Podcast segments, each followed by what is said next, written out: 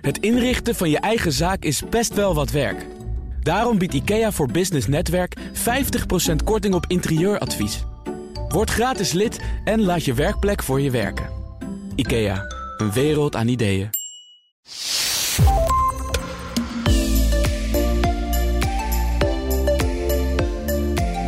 Met zijn boek Drive zette Olympisch kampioen Mark Tuitert de Stoïcijnse mindset op de kaart. Een mindset waarmee je, volgens hem, altijd scherp en relaxed kunt blijven, ook in moeilijke tijden.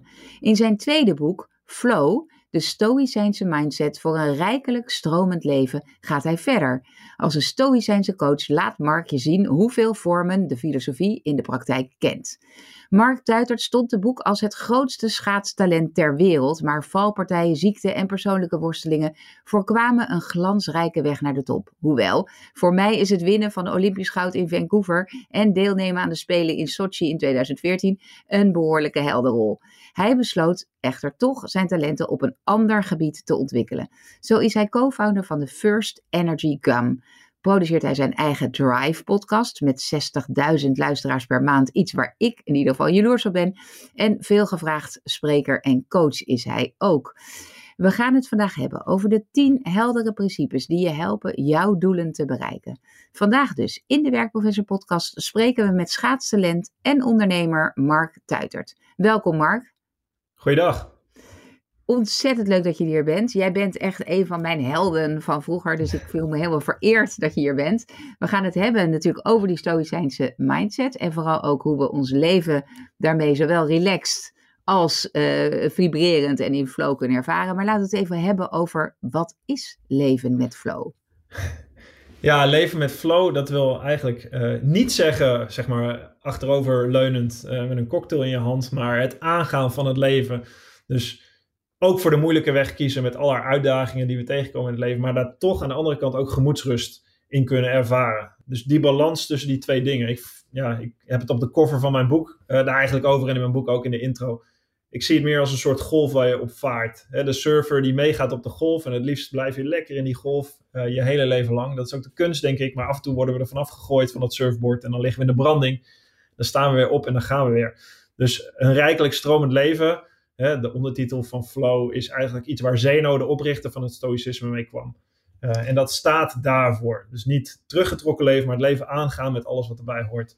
En daar zoveel mogelijk flow in ervaren. Ja, nou dat klinkt uh, geweldig. Ik zie mij wel meteen met die metafoor de hele tijd van dat uh, bord afvallen. Ja, dus uh, is het ook zo. mij ook voortdurend. ja, is het ook zo moeilijk om het te leren? Of is het iets wat, wat makkelijker gaat? Nou, waar Zeno mee kwam, hè, de 300 voor Christus, de oprichter van het Stoïcisme. Die, die oude Grieken waren eigenlijk vrij zwart-wit. Het Stoïcisme komt echt uit het oude Griekenland. Dus de perfecte wijze, de, de, de, de sage, de perfecte wijze, die is altijd in flow. En dat wil zeggen, die doet altijd het juiste. Uh, die streeft de, de, de juiste, de goede waarde na. En die kan helemaal sereen omgaan met tegenslagen en alles wat voor zijn voeten wordt geworpen in het leven. Want ja, dat is uh, hoe de werkelijkheid zich voordoet. En daar kan je dan prima mee omgaan. Natuurlijk in ons echte leven uh, is het iets weerbarstiger. Wij zijn als mensen niet de perfecte wijze. Zeer waarschijnlijk ik in ieder geval ook niet. Ik ben ook niet de perfecte stoïcijn. Maar daarom kunnen we denk ik wel heel veel leren van die stoïcijn. Ja. Laten we nog even teruggaan. Want in je eerste boek uh, met de titel Drive beschreef je dus eigenlijk wat een stoïcijnse mindset is. Kan ja. je dat nog even, want we hebben het nu over flow gehad. Hè? Dat is op ja. die golf. En dat je, uh, dat je ook al, je, je leeft een, uh, een, een, enthousiast leven en tegelijkertijd ga je om met tegenslagen. Maar wat is stoïcijnse mindset? Ja, stoïcijnse mindset, wat ik daarmee bedoel, is eigenlijk niet emotieloos leven, wat stoïcijns rol is in onze taal. Het is heel erg je emoties bijvoorbeeld beschouwen. Wat gebeurt er in je leven? Er wordt iets voor je voeten geworpen. Hè? In de storm van het leven rechtop kunnen blijven staan als een rots in de branding, zou je willen zeggen. Uh, dus hè, we gaan uitdagingen aan, ik ook als ondernemer, als topsporter. Uh, maar ja, je hebt je te verhouden tot bijvoorbeeld de dood die om ons heen komt. Hoe ouder we worden, hoe meer mensen we verliezen. Ik ook. Ik ben bijvoorbeeld mijn moeder verloren, wat vrij heftig was, want zij was zwaar depressief.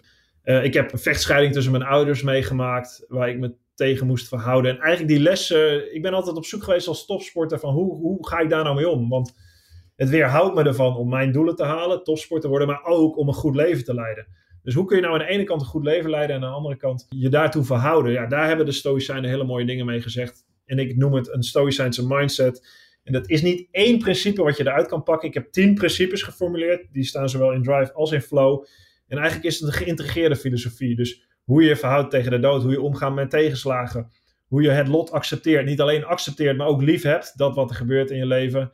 Ehm, hoe je een diepe connectie met andere mensen of de wereld om je heen ervaart. Hoe je in actie komt, et cetera. Dat zijn allemaal facetten die onderdeel uitmaken van die filosofie en die ik beschrijf in mijn boek. Oké, we gaan die tien principes even langslopen. We kunnen ze niet allemaal intensief uh, bespreken. Dan moeten mensen ook vooral je boek kopen. Uh, maar wat heeft het jou opgeleverd? Nou, het heeft mij heel veel opgeleverd uh, als het gaat om gemoedsrust. Dus ja, ik ben als topsporter heel erg gedreven. Ik wil een doel halen. de illusie is vaak dat wij denken, en dat denk ik niet alleen als topsporter, dat, ja, dat denk je soms ook als ondernemer dat, dat we een gouden medaille nastreven of uh, een bedrijfswinst of misschien de verkoop van ons bedrijf. Uh, en dat we dat succes behalen wat we zo lang hebben nagestreefd. Als we dat dan behalen, nou, dan is het voor de rest van ons leven kunnen we daarop terugkijken en denken van hé ik ben gelukkig. Zo werkt het leven niet. Dus uh, er zijn heel veel ondernemers die een bedrijf verkopen of heel veel topsporters die goud winnen, die daarna helemaal niet veel gelukkiger zijn. Eigenlijk daarna weer nieuwe worstelingen hebben, nieuwe uitdagingen hebben in het leven. Dus hoe je kijkt naar wat geluk is en wat een waardevol leven is, dat, kan als, ja, dat kan heel anders zijn dan waar je naar kijkt als je het hebt over succes. En die twee verschillende dingen moet je heel goed van elkaar, zou, zou je heel goed van elkaar moeten kunnen scheiden als, je, als het gaat om levensgeluk, wat we eigenlijk diep van binnen ergens nastreven. En de Stoïcijnen zouden zeggen dat levensgeluk heeft dus niets te maken met die gouden medaille of met dat bedrijfssucces dat heeft alleen maar eigenlijk te maken met je innerlijke instelling. Uh, nou ja, daar kun je allemaal woorden voor verzinnen. Mindset is er eentje van. Dus hoe jij in het leven staat. Hoe je innerlijke instelling is. Eh, welke waarde je nastreeft. Handel je moedig, uh, niet laf. Handel je rechtvaardig, niet oneerlijk. hanteer je goed karakter. Doe je het juiste voor jezelf en richting anderen. En dat zijn allemaal ja, vragen die ik opwerp. Waar ik ook mee worstel in mijn leven. En de persoonlijke voorbeelden vertel ik. En de lessen van de Stoïcijnen daarbij ook. Nou, laten we er maar eens even goed induiken. Ehm, ik, ik, noem even alle tien principes. Of misschien kan jij er zelf even doorheen lopen. Gewoon van dat, dat, we die tien even in ons hoofd hebben. En dan kunnen we er misschien twee of drie uitpikken waar we wat dieper op ingaan. Nou ja, in, in, in Drive uh, hanteer ik iets meer mijn eigen voorbeelden op die dingen. In uh, Flow gebruik ik iets meer inspirerende voorbeelden van mensen die ik heel inspirerend vind.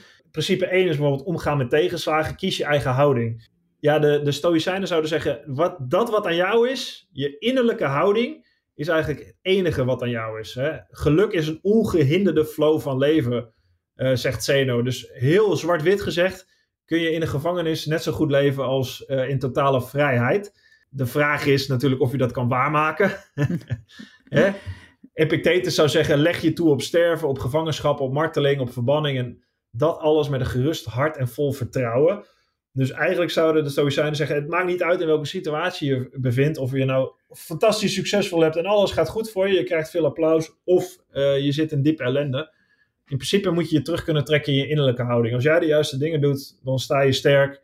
Uh, en dan kun je of in rijkdom of in armoede gelukkig leven. En dat vind ik heel mooi. Hè? Dus daar kun je heel veel waarde uh, aan ontlenen als het niet goed gaat. Als voorbeeld gebruik ik bijvoorbeeld James Stockdale. Dat was een Amerikaans gevechtspiloot die in de Vietnam uh, gevangen zat, gemarteld werd, zich heel heldhaftig moest gedragen en zijn eigen innerlijke instelling hoog moest houden. Niet alleen voor zichzelf, maar ook voor de rest van zijn manschappen. Nou, er zijn mensen die dat gelukt is en daar kunnen we ons aan vasthouden. Ja, Victor Frankl is ook zo'n voorbeeld volgens mij in de, in de concentratiekampen. Iemand ja. die toch een manier heeft gevonden om zich te verhouden uh, met, met een soort hoopvol iets. Absoluut. De, de, extreme omstandigheden. Ja, ik vind het ook, dat vind ik ook echt een uitdaging, maar ook iets heel moois om te kijken of dat.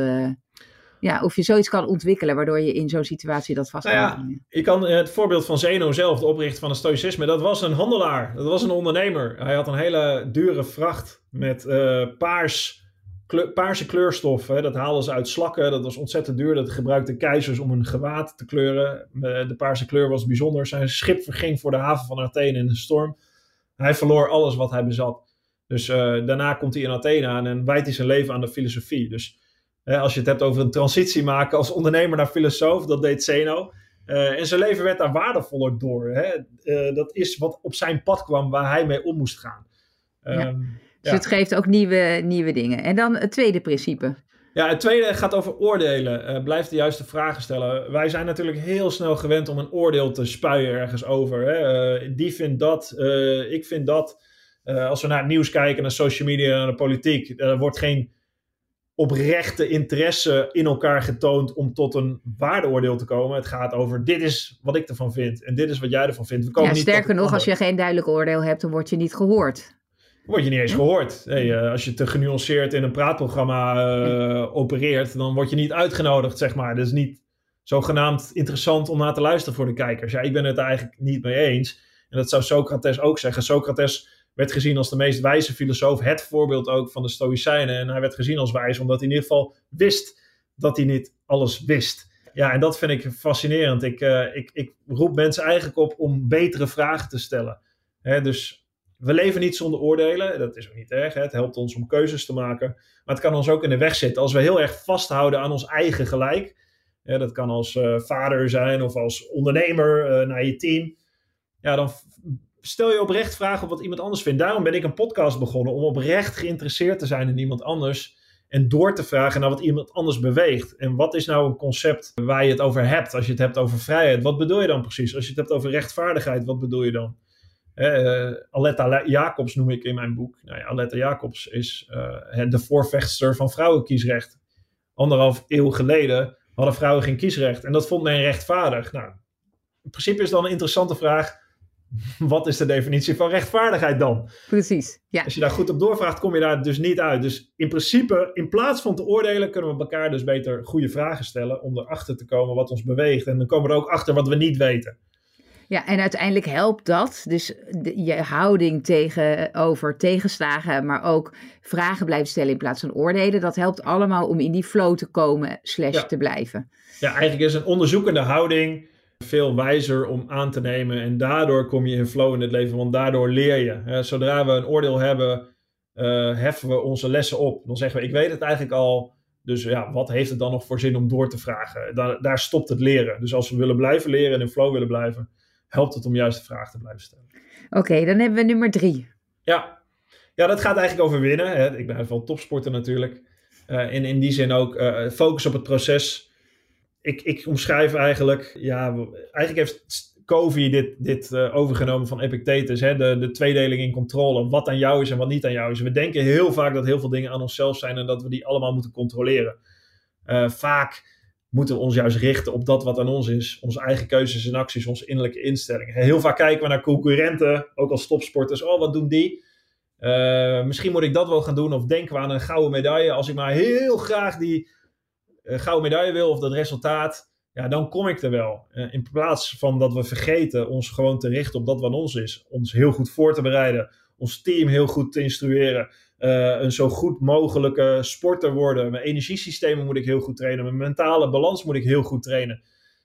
In plaats van je te laten verblinden door het resultaat, kun je je beter richten op je innerlijke instelling. Doe je er alles aan om alle facetten van succes uh, die je wilt behalen zo goed mogelijk in te vullen. alle puzzelstukjes in elkaar te laten vallen. Als ondernemer ben je, heb je het logistieke proces op orde, je productie op orde, je financiële huishouding op orde, je marketing op orde, je personeel, et cetera. Ben je daarmee bezig dat dat goed staat? Of ben je bezig met uh, dat einddoel? Nou, ik zou zeggen, wees bezig um, met alle met facetten die daaronder liggen. Precies, ja, ik, ik geloof wel dat je wel moet weten waar je naartoe onderweg bent. Dus dat je wel een soort ja. einddoel geformuleerd uh, moet hebben. Maar dan vervolgens ja. zou je inderdaad het investeren in het proces en weten dat je die dingen allemaal goed doet. Dan moet je daar ook vanzelf tussen aanhalingstekens komen. Zo makkelijk ja. is het niet. Nee, um, absoluut. Hè? Daar ben ik met je eens. Je moet grote, dat grote doel hebben. Marcus Aurelius zou zeggen, concentreer je als een Romein op de taak die voor je ligt met oprechte toewijding. Dus het bevrijdt jezelf van afleiding.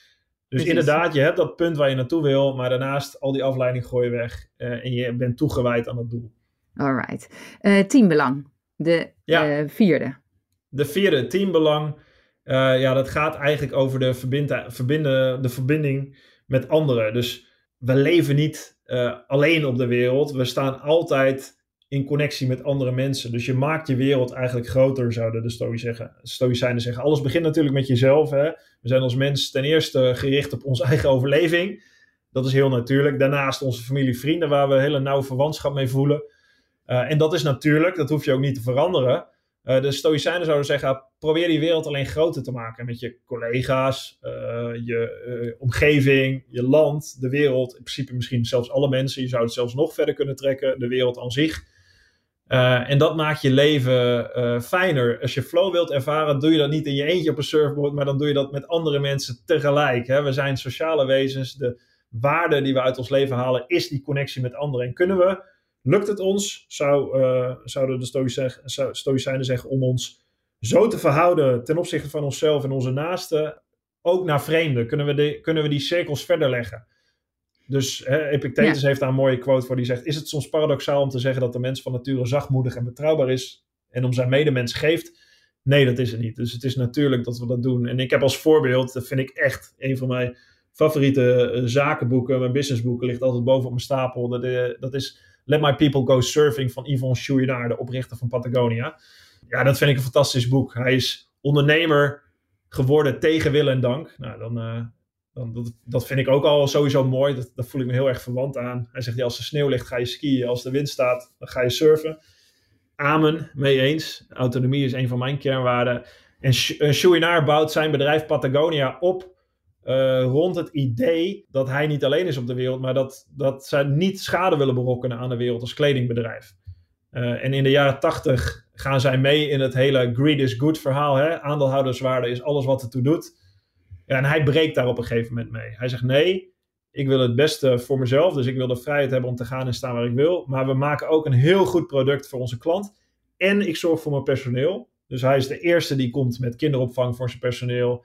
Hij is de eerste die komt met Let My People Go Surfing. Zo heet zijn boek. Maar hij geeft vrijheid aan zijn personeel om te kunnen gaan surfen wanneer ze willen. Mits het werk natuurlijk maar gedaan wordt. En hij legt die lat nog hoger en die cirkels maakt hij nog groter. Uh, hij geeft ook om de natuur. Uiteindelijk, en dat is maar uh, afgelopen jaar gebeurd, heeft hij zijn aandelen in een stichting overgedragen die, uh, waarbij alle winst ten goede komt aan natuurbehoud. Dus het zit in de kern van zijn bedrijf dat hij niet alleen aan zijn eigen belang denkt, maar ook aan dat van zijn personeel, van zijn klanten, van zijn suppliers en aan dat van de wereld. Ja, dat vind ik heel stoïcijns. Ja, ja, het is een, een, een, heel inspirerend voorbeeld, ook als het gaat over kernwaarden in bedrijven. Hè? Hoe, je, hoe je dat echt invulling geeft. Hij geeft filosofielessen aan zijn personeel inderdaad over die kernwaarden. Ja, ja, ja het is echt fantastisch. Uh, een heel inspirerend voorbeeld voor iedere ondernemer die hier naar luistert en denkt, uh, oh ja, wat was het ook alweer met kernwaarden? Zoek even op Patagonia en uh, kernwaarden. En, Lees dat boek, lees ja. dat boek. Ja. Um, de andere um, principes, hè, je beschrijft ook het lot, speel ja. Je rol met verven, je beschrijft de dood, leef met het einde in zicht, geluk, plaats geluk in het nu, niet in de toekomst, kompas, ontdek de missie die bij je past en dan de laatste twee zijn karakter, laat je niet leiden door je ego en de allerlaatste is daden, laat je leven stromen. We kunnen er denk ik nog drie uh, bespreken van deze zes. Ja. Welke zou jij daaruit willen liggen? Welke ligt het dichtst bij je hart? Nou, wat het dichtst bij de, bij de filosofie ligt is uh, karakter. In principe uh, gaat ja. er... Laat je niet alles. leiden door je ego. Laat je niet leiden door je ego. we hebben natuurlijk allemaal ergens een ego. Hè? Als sporter wil ik winnen. Als ondernemer wil je misschien succesvol zijn. Of je wil ergens gezien worden. En dat is ook natuurlijk, dat, houdt, dat, dat hoort erbij. Maar ja, ik omschrijf het, hè, het, is, het is mooi je ego als dienaar, maar uh, als je jij, als je dat omdraait, hè, als het een meester wordt, uh, ja, dan gaat het vaak de verkeerde kant op. Als verhaal heb ik, uh, dat is ook een verhaal over leiderschap, het verhaal van Ernest Shackleton, een, een Britse poolreiziger. en eigenlijk alles waar hij aan meedoet mislukt. Een hele grote expeditie die hij optuigt. Maar hij zoekt de mensen uit op karakter die met hem meegaan. Dus hij kijkt niet alleen naar diploma's of naar cijfers, maar meer naar hun interne instelling, hun eigen karakter. Kunnen ze hun gemoed hoog houden? Kunnen ze een liedje zingen bijvoorbeeld, zodat ze de boel vrolijk kunnen houden in moeilijke tijden? Uh, hebben ze doorzettingsvermogen, wat eigenlijk misschien wel veel belangrijker is dan een daadwerkelijk uh, diploma. En die mensen neemt hij mee. En als het dan verkeerd gaat, want zijn schip uh, loopt vast in het ijs en, ze zit, en zijn, zijn team zit twee jaar lang op het ijskoude Antarctica ja, dan zorgt hij ervoor dat hij zijn manschappen weer terugkrijgt. En dat lukt hem. Uh, niemand overlijdt. En dat is, uh, ja, dat is uniek. Dat is uh, een vorm van leiderschap die denk ik ja, nog steeds heel relevant is. en wat hem een goed mens maakt. Letterlijk, ja. zijn bijnaam was de viking met het moederhart. Dus hij is, hij is een soort viking. Hij heeft een groot doel, hij gaat ergens voor, maar hij is ook een soort ja, moeder voor, voor zijn team. Ja. die twee dingen maken hem tot een voorbeeld van karakter. Dus de Stoïcijnen hebben altijd een voorbeeld van karakter. Marcus Aurelius heeft zijn uh, adoptief schoon, zijn, zijn, zijn vader uh, als karakter. Een karakter wat mild is, onverstoorbaar, uh, hard werken, volhardendheid, bereidheid om naar mensen te luisteren, te doen de dingen die in het algemeen belang zijn. Ja, als je die dingen voor je houdt, dat je een karakter hebt, of een, een, voorbeeld in karakter, ja, dat, dat, dat zouden de Stoïcijnen zeggen, dat is heel mooi. En dat, dat vereist dat je ook nederig kunt zijn, dus niet je ego laat zegevieren. Ja, precies. En dat, dat laatste is voor veel mensen natuurlijk toch lastig. Want het ego is ook een soort bescherming die we hebben opgebouwd voor onszelf om ons te verhouden tot mensen. En ja. Ja, om, om onze zekerheid aan op te hangen. Hè. Een eh, ego-structuur gaat over: um, uh, oké, ik ben dit zo'n soort type persoon. En, en ik laat mij niet beledigen, of ik laat me niet in de hoek zetten. Of uh, ik doe heel erg mijn best om gezien te worden. Um, geven ze ook nog tips hoe je dat ego dan los kan laten of je niet daardoor te laten leiden? Ja, ja, zeker. Ik heb een heel mooi voorbeeld van Giannis Antetokounmpo. Dat is, de, dat is een groot basketballer in Amerika, titels gewonnen, uh, opgegroeid in armoede. Die zegt, meestal als je denkt, oh ik ben geweldig, dit gaat zo goed, dan ben je in de dagen daarna minder goed.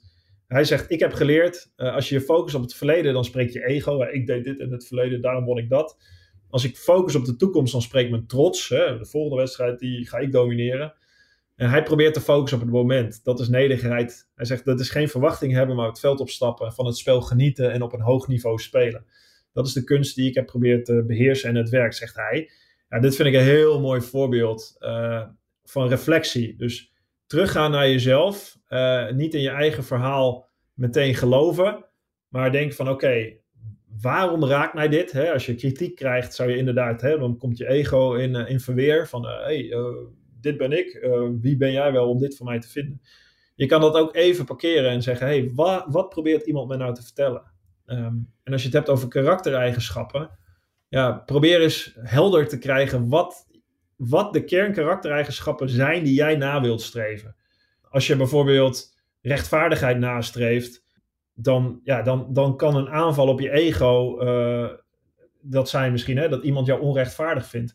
Uh, en als jij dat weet en dat belangrijk vindt, dan kun je daarover in gesprek gaan. Dus uh, terugvallen op je leidende principes en daar positieve relaties opbouwen met je kinderen, familie, collega's, klanten. Ja, dat is denk ik ontzettend belangrijk. En de nederigheid daar zelf in hebben om, niet, om je ego in ieder geval te herkennen en daar niet meteen in te reageren. Uh, dat is denk ik een, een groot goed.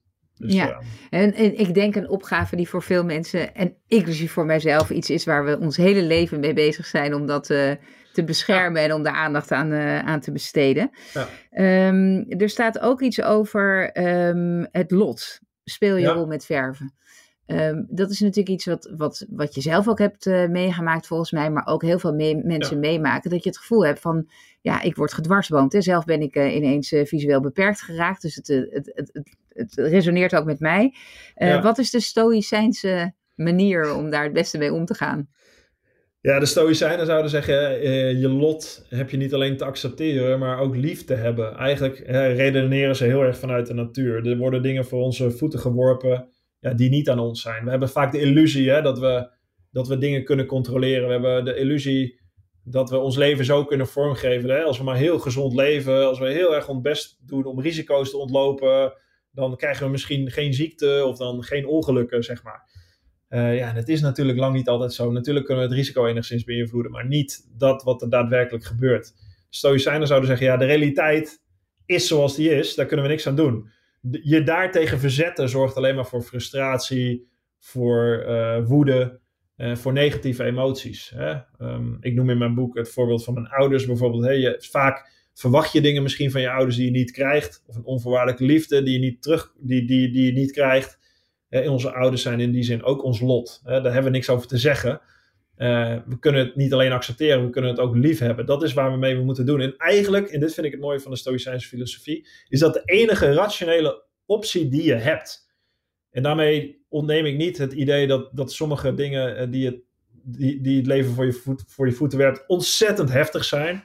Natuurlijk kun je dingen bedenken die, uh, ja, dan klinkt het makkelijk en dan is het ontzettend moeilijk. Ik, ik, ik weet een klein beetje met mijn moeder, die die, uh, die haarzelf het leven ontnam, hoe, hoe heftig dat kan zijn. Maar er zijn misschien nog wel heftigere situaties te verzinnen. En dat is ontzettend zwaar om dat te kunnen accepteren, dat weet ik. Helemaal om het ook nog ergens lief te kunnen hebben. Ehm, en dat, dat wil ik wel even genoemd hebben. Maar daarnaast is de enige rationele optie die je hebt, is het niet weg te duwen of niet te wensen dat het anders zou zijn. Maar ja, die realiteit onder ogen te zien. Ja, en er alsnog ja. iets moois van maken van het leven wat je hebt. Hè? Ik noem ja. Bibian Mento in mijn boek. Die kreeg kanker en die wist dat ze daaraan zou overlijden. Nou, één ding kan je niet van haar zeggen, is dat ze niet volledig geleefd heeft en uh, niet een fantastisch toonbeeld was van karakter, van doorzettingsvermogen, van positieve energie. Uh, dus laten we daar een voorbeeld aan nemen. Ja. Um, en hoe, heb jij dat, hoe doe jij dat proces van dat liefhebben, van dat lot? Wat, wat, doe je daar iets specifieks voor? Nou, voor mij is het uh, de oefening eigenlijk. Uh, ja, wat, wat de Stoïcijnen zouden doen, is het een, een voorbehoud maken. Dus altijd bedenken dat je lang niet alles kunt controleren, ook al denk je dat wel. Dus uh, ze zouden er altijd iets aan toevoegen, zeg maar. Van ik, ik wil dit bereiken. Ik wil winst behalen met mijn bedrijf, mits het mij gegeven is, of mits een aantal dingen goed lopen. Met andere woorden, ze herinneren zich er constant aan dat je niet alles wat je wil bereiken in, in jouw macht ligt. Ja. He, ik kan een fantastisch bedrijf hebben gebouwd. Uh, een product staat klaar. We kunnen eh, de supermarkt in en dan komt corona. Ja, precies. Ja, ja. ja. Fantastisch gedaan. Is het resultaat helemaal ellende? Um, ja. ja. dat is het lot uh, waar je mee te maken hebt. Dus precies, je verhouden tot die realiteit. Uh, en dat kunnen accepteren en liefhebben. Misschien is het een opdracht voor jou om, ja, om een nieuwe route te vinden. Dat is zoals het is. Je kan heel lang gefrustreerd zijn over corona. Je kan iedereen de schuld van geven, de politiek voor de regelgeving, uh, dat je mondkapjes op moet, weet ik het allemaal. Uh, het heeft allemaal niet zoveel zin. Het drukt negatief op je. Ja. Uh, probeer daar het goede uit te halen en daar iets mee te doen. Dankjewel Mark. Dit is een heel mooie zin om mee af te sluiten. Ik zou graag nog uren met je doorpraten hierover, maar onze tijd in deze podcast zit er alweer op. Dankjewel voor al je wijsheid. Dankjewel. Voor de luisteraars, mocht je ideeën hebben, suggesties of commentaar, laat het me weten op wendyapenstaartje.vpeople.com. En V schrijf je met V-I-E. En abonneer je in jouw podcast-app op deze podcast, want dan mis je geen enkele aflevering. Dankjewel en tot de volgende keer.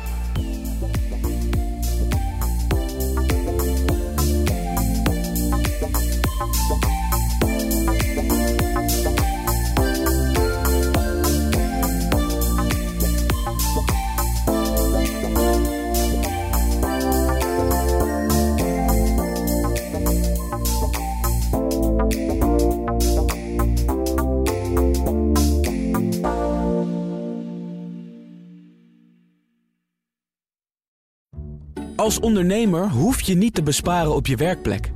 Want IKEA voor Business Netwerk biedt korting op verschillende IKEA-producten. Word gratis lid en laat je werkplek voor je werken. IKEA, een wereld aan ideeën.